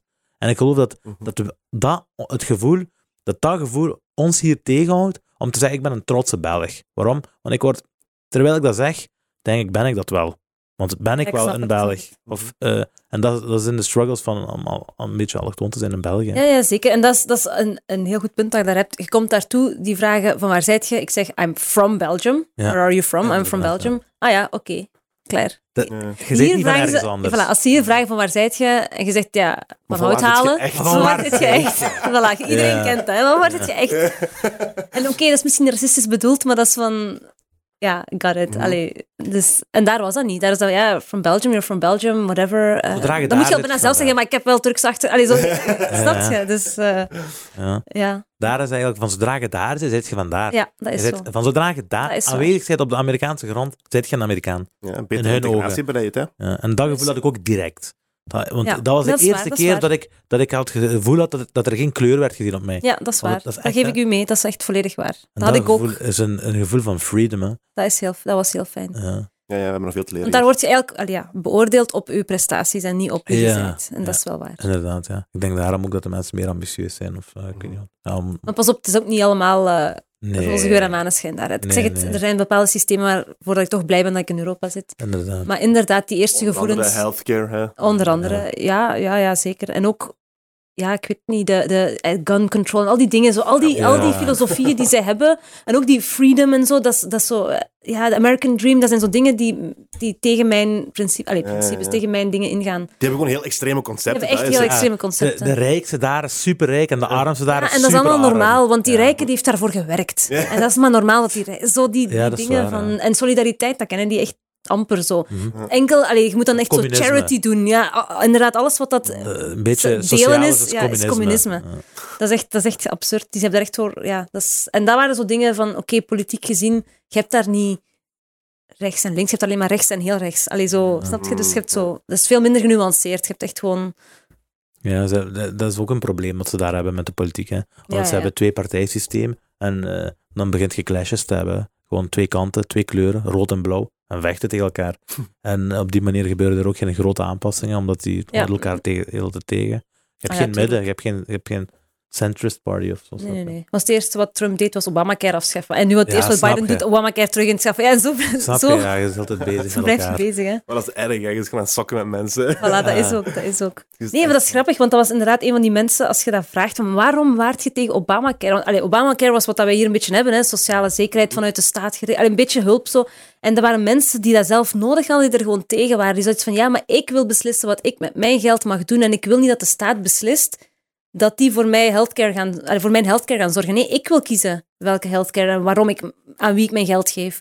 En dat, die, dat concept van mijn punt, ja. geld, mijn dingen... Dat is een punt, maar dat is precies een heel onvolwassen gedachte. Want Maar want omdat die mensen niet beter weten. Voilà. Ja, maar je moet weten, er is een, de- zeker daar, hè. Want zeker wat- daar, want dat is gezegd, terug je naar de burgeroorlog, hè. Ja, maar dat is zoals gezegd, want dan gaat je, je, gaat, je gaat niet naar het ziekenhuis willen gaan. Ja, ja, dat is echt... Als je, dat, als je je eigen geld zelf wilt beheren, dan gaat je beginnen domme keuzes te maken. Ah, dat is wat ik bedoel. Ik vind dat Ja, een ja. onvolwassen zij, gedachtegang. de, zij denken dat ik maak die keuze liever zelf dan de overheid mijn geld pakt en die keuze maakt voor mij. Ja, ja, dat want, snap ik. want bij een goede overheid is alles in orde, hè. Mhm. maar bij een slechte, snap je, they want to take our guns, Ja. eh, bla Ja, ja, bla. ja. eh, we will not give our guns up. Dat, is met, dat is die burgeroorlogmentaliteit van, van de dat is jaren die hele 1700. gedachte van Amerika gewoon, ja. Ja. Ja, ja, Die zijn daarop, dat, dat is dat hun fundering echt, om controle niet af te Voilà, geven. die controle. En, ja. dat is... en Ja. ik heb zoiets van, ik vind dat niet erg dat bepaalde dingen voor mij worden geregeld, omdat ik dan gerust ben. Dat dat in orde is. Want wat weet ik van healthcare in, in Amerika? Heb ik wel de juiste keuze gemaakt? Heb ik wel de be- beste... Krijg ik dan... En dat is heel gek om, om, om voor ons om in te beelden. Maar dan, als je dan ziek bent, of ik zeg maar iets, je moet naar het ziekenhuis of je moet een dokter, dan vraagt je echt letterlijk af, heb ik wel de beste care die ik kon krijgen? Want dat is ook maar een business daar. Dat is En dan denk ik, dat, dat is toch absurd? Hier weet je, als je een dokter gaat, dat je goed behandeld gaat worden. Voilà. Allee, je weet waar. dat die dokter iets kan en dat dat een goede dokter is. En, allee, dat die meestal- goed betaald is. dat hij en dat jij- voilà, dat die doet wat hij moet doen en niet uit u probeert geld af te troggelen. Want Ja, dat is waar echt. het over gaat. Ja, Daar, ja. je gaat naar een onderzoek, ziekenhuis, ah, je gaat nog die test en die test. Heb je die nodig, die test? Eh, Ik ga zoveel duizend euro ervoor betalen. Is dat wel de bedoeling? Dus Je trekt alles in twijfel wat die persoon Voilà. zegt tegen je, terwijl eigenlijk dat is de Voilà. persoon die je het volledig zou moeten vertrouwen. voilà. En je, je weet ook dat dat... Als het gaat om je gezondheid. Voilà. En dat is een business daar. Die, moeten bepaalde, die willen waarschijnlijk bepaalde dingen doen, dat je meer betaalt, zodat die Ja. allee, dat systeem kunnen gebruiken en geld binnenhalen. Terwijl hier, omdat dat zo goed geregeld is, gaat je ervan uit, ik krijg de beste care die ik kan krijgen hier. Ja.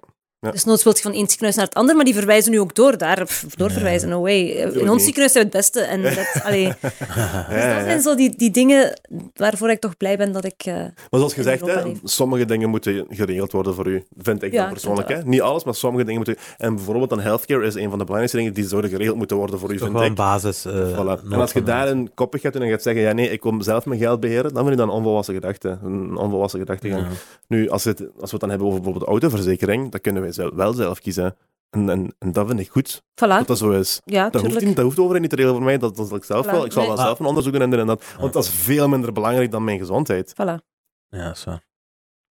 En het feit dat dat verplicht is om te nemen, dat, dat, maakt, het, dat maakt het perfect, vind ik. Ja, ja, dat moet wel. Hè. Ja. Voilà, dus... Ja. Nee, daarmee dat zijn zo de dingen die je moet afwegen. Allee, ik zeg het, daar zijn voor een paar jaar, een paar maanden, is heel fijn. Maar je moet echt, als je inderdaad je hele leven daar wilt zijn, moet je echt bepaalde afwegingen maken of je dat kunt.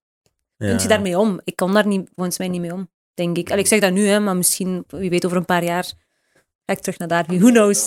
Ja, you never Dat is know, hè. makkelijk. hè. Eens dat je die, die stap hebt gedaan, is de wereld klein. Hè. Je kunt je overal naartoe. Je durft dan alles. Want toen was dat van, pff, ga gewoon, who knows. Allee, we zullen wel zien.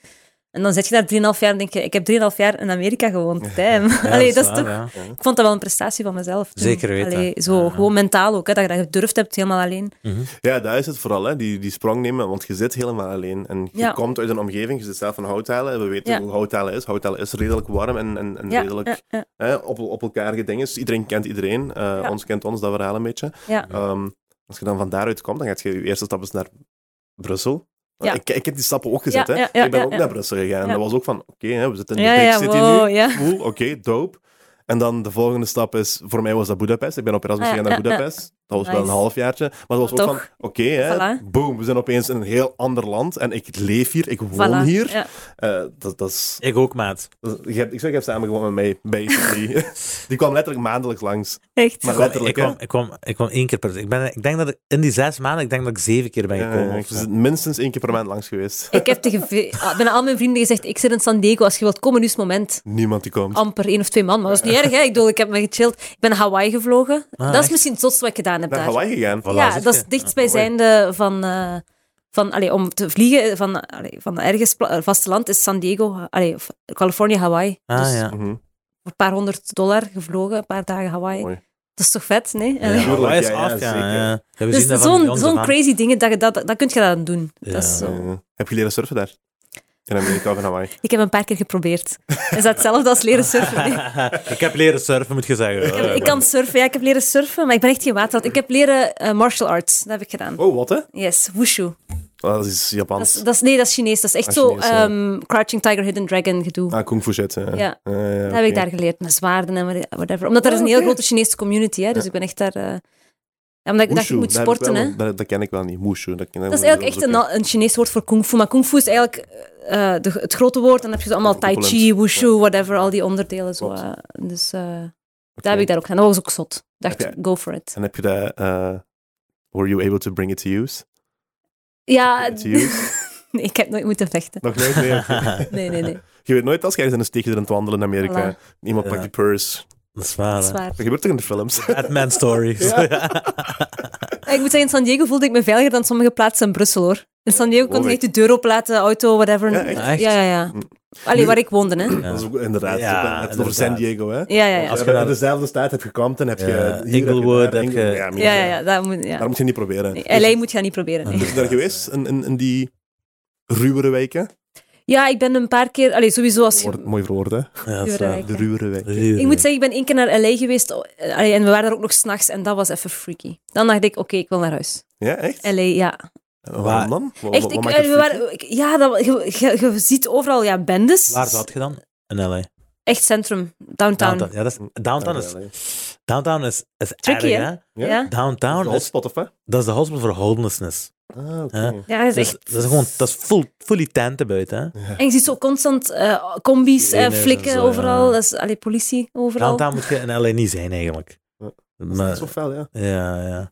Maar wat heb je, wat heb In je de daar avond nog of in de gezien? nacht sowieso, daar- snap je? Ja, heel veel home- daklozen overal. Dakloze drugsgebruikers. Dat is heel Californië is een groot. Ja. probleem. Ja. In, da- in Amerika in het algemeen is dat een probleem, hè. Maar dat is ook, allee, bijvoorbeeld, ik ken dan mensen die in San Francisco wonen en die dat echt zo vertellen. Mensen die een hele, allee, een tijdje een gewone job hebben, dan ja, wegens, omdat die contracten nu eenmaal zo zijn, volgende dag op straat staan, letterlijk bijna, hun huur niet kunnen betalen. En echt mensen die, die de dag ervoor een kostuum hadden en een appartement, die moeten dan met een tent buiten gaan slapen. En, Oh ja. En die dingen gebeuren echt, eh, ja, San Francisco staat daar vol van. Ja, Je hebt echt letterlijk in San Francisco mensen die uit hun tent stappen met een kostuum aan soms. Hè. Dat, allee, dat is, en dat, je denkt van, ik zit dat te verzinnen, maar dat is echt gebeurd. En dat, zijn, dat, is, dat is Amerika. Als iemand zich afvraagt wat Amerika is, kijk naar die films. Dat is echt dat is niet erover. Hmm. We denken dat het erover is, en dat, dat- maar dat is echt zo. En dat is echt... eh, ja, dat was echt crazy. Het is echt zwart of wit. Eh, Ja. Vrij- ja, voilà. Ja.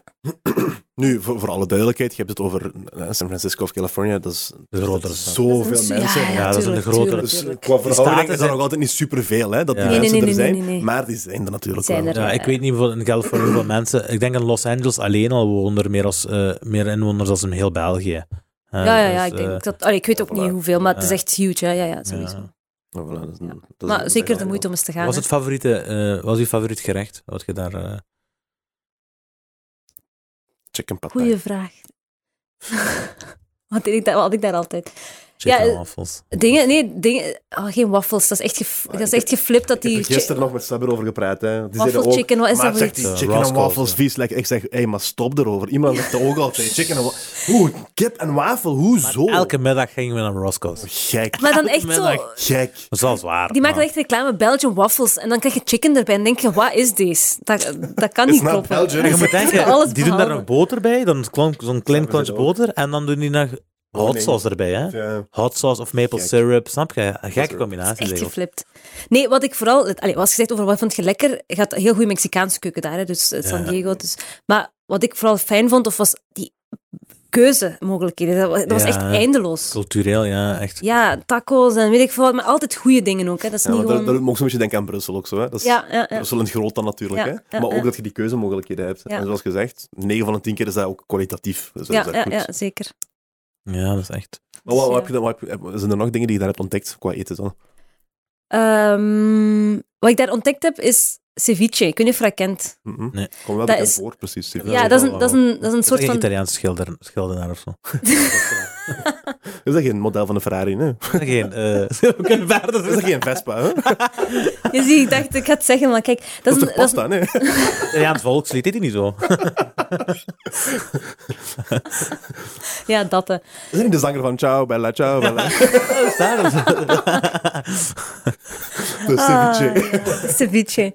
Eh, ja, dat is een sla, maar op basis van, van vis of garnalen, maar eh, allee, rauwe, maar eigenlijk ge, gekookt, ga ik niet zeggen, in, in citroenzuur. Echt zo, zo door de zuurtegraad eigenlijk ga, gaar gemaakt. Echt super lekkere salade eigenlijk. Super fris, eh, met, vi- met vis. Maar je denkt dat dat rauwe vis is, maar dat is geen rauwe vis, dat is gekookt in zuur. Ah. Of gegaard in, in zuur. Ja, ja, ja. Heel veel citroen en zo, dus echt, eh, dat is echt lekker. Dat is echt iets heel Was dat Mexicaans. Italiaans? Ah, Mexicaans, oké. ja.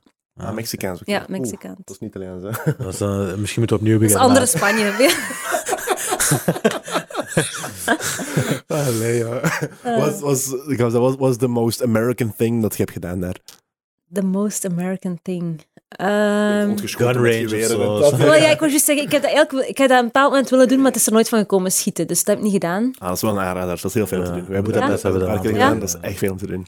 Ja, ik moet zeggen, ik heb daar wel het spijt van dat ik dat niet gedaan heb. Ja. Als je naar Amerika gaat en gaat niet schieten, wat doe je dan eigenlijk? Hè? Ja, inderdaad. Ja. Zijn je dan wel in eten? Amerika geweest? Hamburgers Ham- eten. maar nu is iets zegt, hamburgers eten echt waar.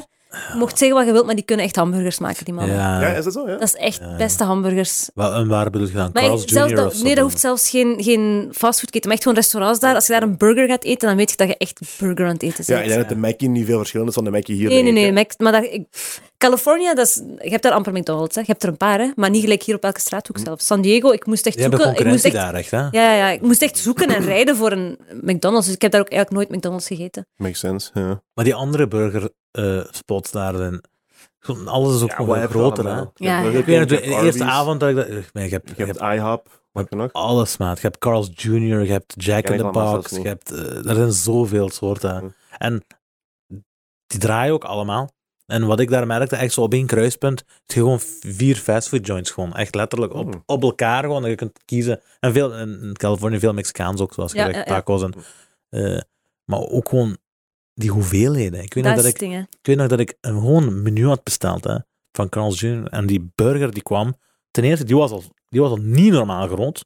Hè, groter dan een burger die ik hier ooit heb gehad. En dan mijn drank, dat was nog niet de grootste. dat was nog niet de grootste, dat was gewoon een medium, denk ik. Of misschien zelfs een small, hè. Maar dat was gewoon, dat was een anderhalf liter, denk ik, of zo. Dat serieus, hè, dat Ja, is ja, maar dat is anderhalf echt- liter of zo. En die worden fully bijgevuld, toch? Drank. Ja, gratis refills op veel plaatsen. Ja. En ah, ja, dat is het ding ook wat we hier misschien minder... en Nu begint dat misschien meer en meer ingeburgerd te raken, maar gewoon een doosje meepakken. Allee, dus eh, als je... Een doosje wat mee. Ja, dus voilà. Je, komt, je gaat naar gaat een restaurant, je gaat iets gaan eten en je hebt overschot. Want ja, sowieso krijg ik dat niet op wat een volwassen man kan eten. En in Amerika, die porties zijn inderdaad huge. Dus de helft van de tijd dat ik drie vierde van mijn bord stond daar nog. En die, man, die mensen kijken echt van, heb je wel iets gegeten? En die vragen echt aan nu, do you want a box? En ik zo, huh? Ah, om nemen. box. Oh, wat is dat? En inderdaad, die hebben allemaal standaard doosjes om uw eten mee te pakken. En dan nam ik altijd alles mee in een box en dan voilà. En dan moet, ik vind dat we dat hier meer moeten doen. Hè. Gewoon dat je niet je eten weggooit als Maar ik vraag dat meestal ook hoor. Hier als ik doe ga dat eten, ik vraag dat meestal. Oh, hier, ja, ik heb dat nooit gedurfd. Ah, echt? Ja. Nee, als dat zo dat dat schande was. Ah, Dan nee, vraagt hij helemaal zijn eten niet. mee naar huis. Maar ja, ook al is dat schande, interesseert me niet. Ik ga dat echt niet weggooien. hè. Ik heb En gratis water. Gratis, Gratis water. Allee, water. is daar standaard. Je moet dat hebben in Amerika. Dat is Ah, ook- dat is toch ook nog gratis gezonde dingen. Ja, je moet daar enige. niet nergens Dat voor betalen.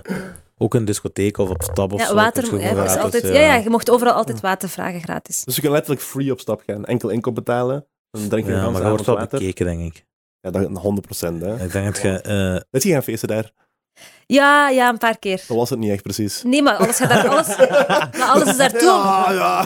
De meeste dingen zijn daartoe om 12 uur s'nachts. hè. ja, inderdaad. Echt? Ja, ja. ja. Wij leven veel later. Dat was ook Ja, ja. in L.A. zo. Dan ja. begint het om 7 uur of zo. Of hoe?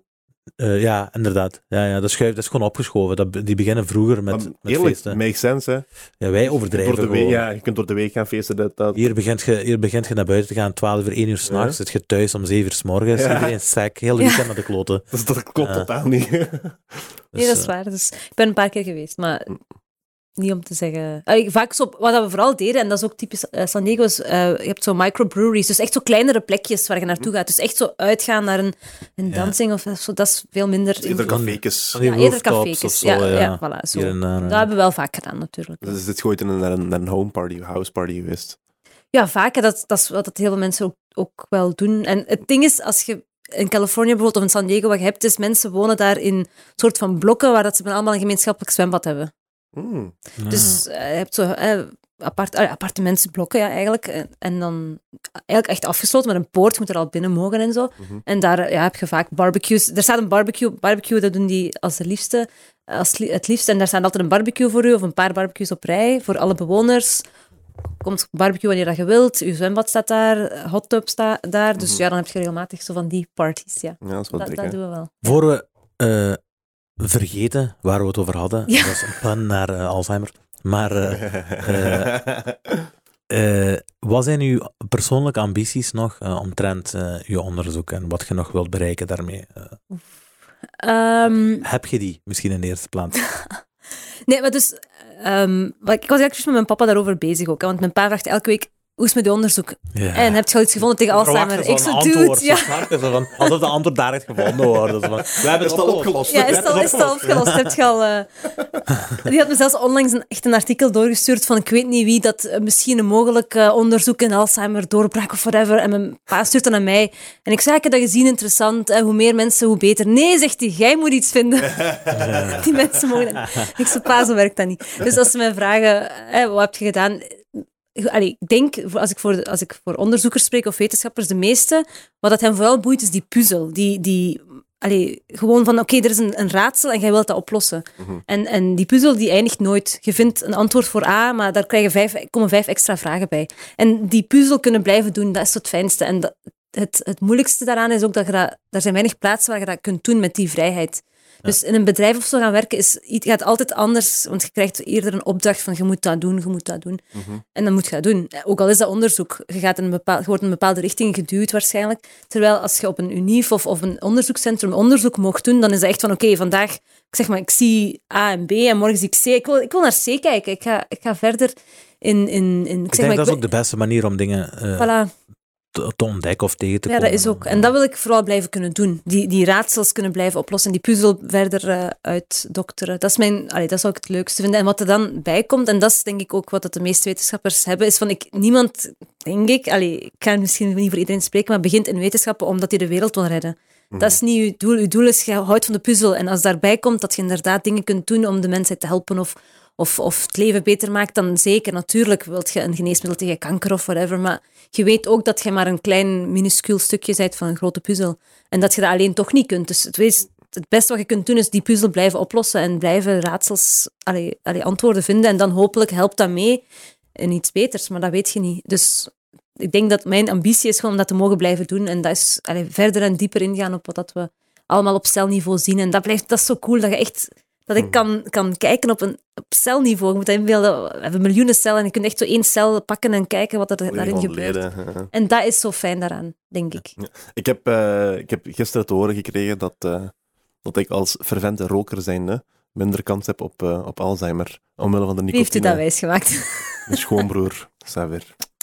Is dat niet waar of Ah, alles is eh, risk-benefit, hè. Er is, allee, ik bedoel... Ja, ja ik, over, ik Ik overdrijf weet het- dat nee, nee, zeggen, maar- nogmaals- Hij, zei- hij zei ook gewoon dat eigenlijk gewoon nicotine ervoor zorgt dat... eh, Er zijn bepaalde dingen daar, dat daar voordelig in kunnen zijn. Ja, maar als nicotine het antwoord was, dan hadden we het al lang gevonden, denk ik. Ja. Allee, ja, dus, dus, eh, allee, en ook heel veel dingen wat ik zeg ook tegen mensen is van ja, sommige dingen zijn gezond, sommige zijn ongezond. Alles is gezond of ongezond als je het overdrijft. Hè? Allee, of is ongezond. Dus, alles met mate doen, hè. Ja. voilà, dus ja, ik zou zeggen, als, als jij aangezien je fervente roker bent, ik, zeg, ik denk niet dat je Alzheimer, dat, dat, dat je gaat genezen van Alzheimer. Ik zou zeggen, Eh, Shit. je gaat geen Alzheimer krijgen, omdat je je misschien andere dingen hebt afleiden, gekregen dan. dan ga je afleiden met andere kwalen. Voilà. dus dat durf ik niet mijn hand voor in het vuur te steken. Dat u Maar, maar is er effectief een relatie tussen nicotine en, en Alzheimer? Of wat is die rela- relatie? Goh, ik weet dat niet, dat ga ik niet durven zeggen dat dat 100%, dat weet ik niet. Maar ik kan me inbeelden dat er bepaalde dingen gebeuren met, en nicotine heeft inderdaad een effect eh, ehm, Op, het op, bepaalde dingen, allee, transporters in je hersenen en zo ook. Hè. Dus, maar ik, ik weet niet 100% of dat, dat rechtstreeks ehm, met Alzheimer... Allee, ik weet niet op welke manier dat zou kunnen echt werken. Allee. Ja, ja. Allee, voor, voor bepaalde dingen wordt dat gebruikt, maar ik, ik kan nu, me nu niet uitspreken. Dat gaat zeker voor Alzheimer iets doen. Ik weet het niet. En als dat wordt gebruikt, dan zal dat ook niet met allee, aan de hand van een sigaret gebruikt worden, Nee, denk ik. nee, hè? nee, met nee, nee, pleisters nee. of zo Nee, nee, nee, nee, nee. nee, nee. Ja. nee. Ja. Nicotine op zich is niet schadelijk, denk ik. Hè? Enkel verslavend is dat. Maar het is een Ja, dat is- sigaret is vooral teren en zo. Wat, de Dus, ja, Een die sigaret dingen, zit maar- heel ja. veel rotzooi wat schadelijk is. Ja. Als ik me niet vergis, meer dan 200 giftige stoffen die, Ah, ja, er, die er vrijkomen bij de verbranding van een sigaret. Eh, ik denk nicotine is... eh, Is het verslavend gedeelte? Ja, het is gewoon het verslavend. dat is toch een minder schadelijke sowieso. Ja. Ja. Ja. Ja. Maar oké, goed om te weten. stay off eh, cigarettes, eh, young folk. Don't do drugs eh, or cigarettes. en eh, stay in school. Want dat is ook, dat is ook een drug. Stay in school, dat helpt tegen Alzheimer. Ah, echt? Ah ja, dat is waar, want je zit Leren. aan het maken. Ah, ja. Connecties aan het maken. Voilà, je zit connecties aan het maken. Je ziet, ik ben mee. We zijn hebben Alzheimer aan het bijgeleerd oplossen, vandaag. Single-handedly. door, door op school te blijven. We hebben iets bijgeleerd vandaag. Dankjewel, Gamze. On that note. Ik vond het heel interessant. Eh Tech Happy. Ja, dat was een heel leuke Ja, vraag om te komen. graag gedaan. Vond, vond je het zelf fijn? Ja, zeker. Ja, want We zijn niet te veel afgeweken over Amerika en weet ik wat allemaal. Is dat boeiend voor het publiek nog? Wat? Pff, Dat maakt niet zoveel uit. Wij vonden het boei- boeiend. denk Ehm, dat dat in het algemeen wel boeiend Ja, was. maar je, je, was, je kwam hier ook eigenlijk was een beetje gestresseerd. Dus dat, is Ja, ik denk vooral van, oké, die verwacht hier, ik weet niet wat waarschijnlijk, maar ik ben ook maar ik. En nog nogmaals, wetenschappers zijn, hebben allemaal zoiets van, ja, ik weet eigenlijk niks. Wat weet ik? Mm. Wat ben ik? Allee, zo het woord van, is een eh, goeie dat is een startpunt, expert of, of zo in uw, in uw dingen, dat is zo Liever gevaarlijk. dat dan iemand die niks weet en doet alsof hij alles weet. En dat is zo zijn er ook genoeg. Ongeveer, dat is ongeveer de eh, overgrote meerderheid van de mensen Als ik dan toch nog iets mag zeggen over Amerika, imposter syndrome. I- Die, in Amerika denkt, die, denkt iedereen dat die, alle, dat die allemaal perfect zijn en alles kunnen. Dat Ja, is iets wat dat wij als Europeanen echt wel heel anders hebben. Ja. die de- denken echt van. I'm the shit. Uh, heb sorry dat ik dat zo zeg. echt Ja, ja, meegemaakt, Ja, 100%. Mensen die, echt, die, die, die dan dingen beginnen te vertellen. Ja, ik heb dat en dat en dat, collega's ook. En dan denk je van, wow, die kerel is slim. En dan gaat je echt zo, twee minuten later zit je zo terug op je bureau aan het zitten en denk je van, wat heeft hij nu net verkocht? Dat is echt dikke zever. Ja. Dan, dan denk je van, oké, die kunnen zo goed praten en hun Ja. dingen verkopen, maar eigenlijk is dat gebakken lucht. Dat is, Ja. dat is Daar zijn ze heel mooi wel- verbloemen zo, hè? heel mooi daar zijn ze wel goed in in Amerika. Dat doen ze wel. Dus je moet dat gewoon niet serieus nemen als, je, als iemand... Soms moet je daar met een korrel zout nemen. Ja. Daar is het vooral. Hè. Maar dat, Dus dat, voilà. dat geldt overal. Ja. Hier, allee, hier heb je ook veel mensen die alles doen blijken alsof die ik weet niet wat hebben gedaan. Maar als je, als je een beetje inzoomt, is het van, ah, oké. ja. Voilà, dat is belangrijk. Inzoomen op wat dat de mensen zeggen. Kritisch zijn. Ja. Niet gewoon geloven wat Facebook zegt. Dat vooral, ja, dat vooral.